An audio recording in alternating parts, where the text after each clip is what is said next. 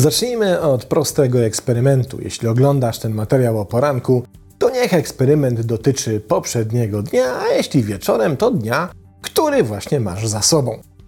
W celu eksperymentu będę Cię prosił o zatrzymanie mojego filmu i z kartką gotową do notatek prześledzenie zdjęć Twoich znajomych lub obserwowanych przez Ciebie osób na dowolnej platformie mediów społecznościowych w poszukiwaniu ich zdjęć typu selfie. Jeśli namierzysz takie zdjęcie, to zanotuj imię delikwenta czy delikwentki, a potem wejdź na jej czy jego profil i przejrzyj zamieszczone tam selfie z całego dnia.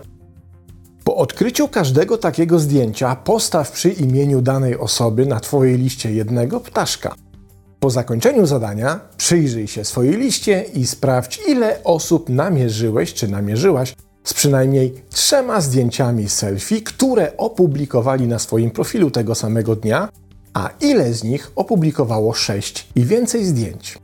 W ten sposób zorientujesz się, dzięki oficjalnej klasyfikacji Amerykańskiego Towarzystwa Psychiatrycznego z 2014 roku, czy znajdujesz się w otoczeniu osób psychicznie zaburzonych lub czy wśród obserwowanych przez Ciebie osób znajdują się takie, które cierpią na zaburzenie psychiczne. W tym miejscu się zatrzymamy na chwilę, by wszyscy ci, którzy rzeczywiście oddali się proponowanemu eksperymentowi, mogli wrócić do projekcji mini wykładu. Skoro już wszyscy wrócili, pora na wyjaśnienie. Otóż to fake, ściema i nawijanie makaronu na uszy. Nie istnieje wspomniana klasyfikacja zaburzeń psychicznych nazwana selfitis i nie istnieją również stopnie jej intensywności mierzone ilością publikowanych selfie na profilach społecznościowych. Fejkowy artykuł z tymi informacjami ukazał się w 2014 roku na portalu The Adobe Chronicles i wywołał w sieci dosyć sporą reakcję, mimo iż dosyć szybko ustalono, że nie ma nic wspólnego z rzeczywistością. W sumie kupa śmiechu i robienie sobie jaj z osób zamieszczających w sieci swoje selfie. Ale no właśnie, jest jedno, a nawet dwa ale. Pierwsze dotyczy ciekawego syndromu medialnego, w którym to szerokość dystrybucji fejkowych informacji jest wielokrotnie większa od dystrybucji ich sprostowań.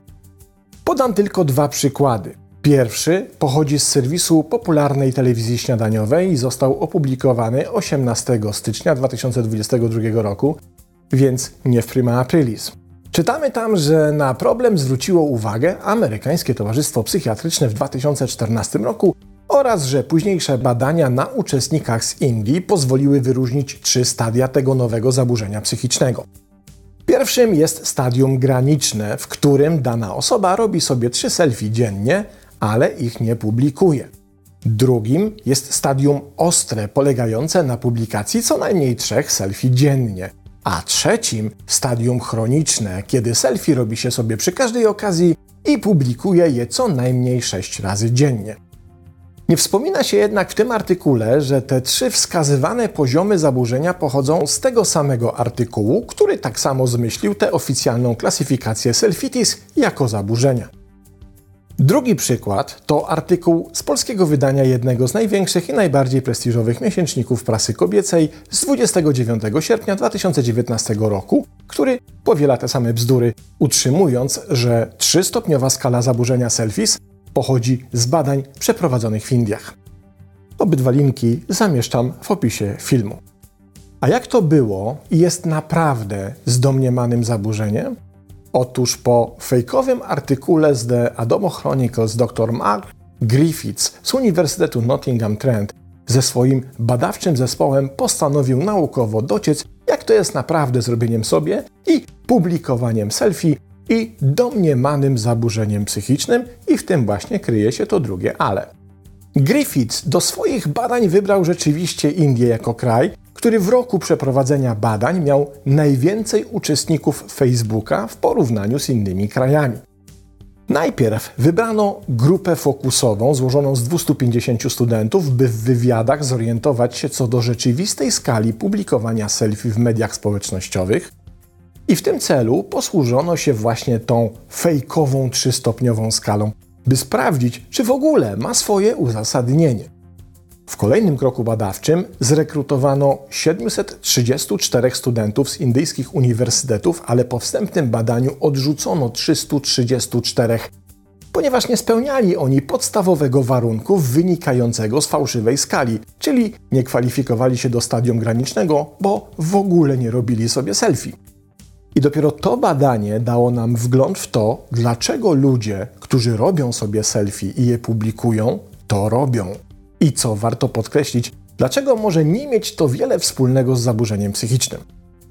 Wśród osób, które rzeczywiście łapały się do dwóch fejkowych poziomów, czyli ostrego z publikacją trzech selfie dziennie oraz chronicznego z publikacją sześciu i więcej, ustalono sześć obszarów motywujących takie działanie, przy czym w każdym z tych obszarów notowano silniejszy wynik, im więcej i częściej badana osoba wykonywała i publikowała codziennie selfie, czyli łapała się do stadiów selfitis z fejkowego artykułu. Warto je kolejno prześledzić, bo to właśnie ich poznanie pozwala nam się zorientować, dlaczego dana osoba umieszcza po kilka selfie dziennie w mediach społecznościowych i jak wiele ma to związku z jej relacjami społecznymi i postrzeganiem siebie w świecie, i jak niekoniecznie wiele z jakimkolwiek zaburzeniem. Pierwszy obszar nazwano poprawą środowiska, w którym selfie jest robione w związku ze środowiskiem, w którym ma miejsce. Oznacza to, że fotografująca się osoba robi sobie selfie na konkretnym tle przyjemnego otoczenia, by dany moment i miejsce, w którym się znajduje, można było łatwiej zachować we wspomnieniach. To na przykład sytuacja, w której ktoś robi sobie selfie nad morzem z rozciągającym się za nim pięknym widokiem, by zachować we wspomnieniach to konkretne polepszenie samopoczucia, które to właśnie miejsce w nim wywołało. Drugim obszarem motywacji do selfie jest konkurencja społeczna, czyli wytworzenie wrażenia, że wyprzedza się innych, na przykład w dobrym samopoczuciu, atrakcyjności wyrażanej poprzez dobry nastrój i zabawę, czy znajdowaniu się w atrakcyjnych miejscach, do których inni nie mają dostępu.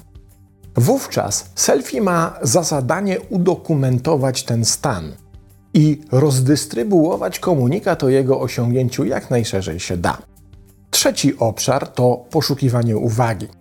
Tutaj selfie ma największy związek z narcyzmem, w którym badacze uznają, że selfie jest jednym z ulubionych narzędzi narcyzów, za pomocą którego chcą przykuć uwagę, by w konsekwencji zyskać upragniony podziw poprzez wystudiowaną autoprezentację i samopodziw, który jej towarzyszy.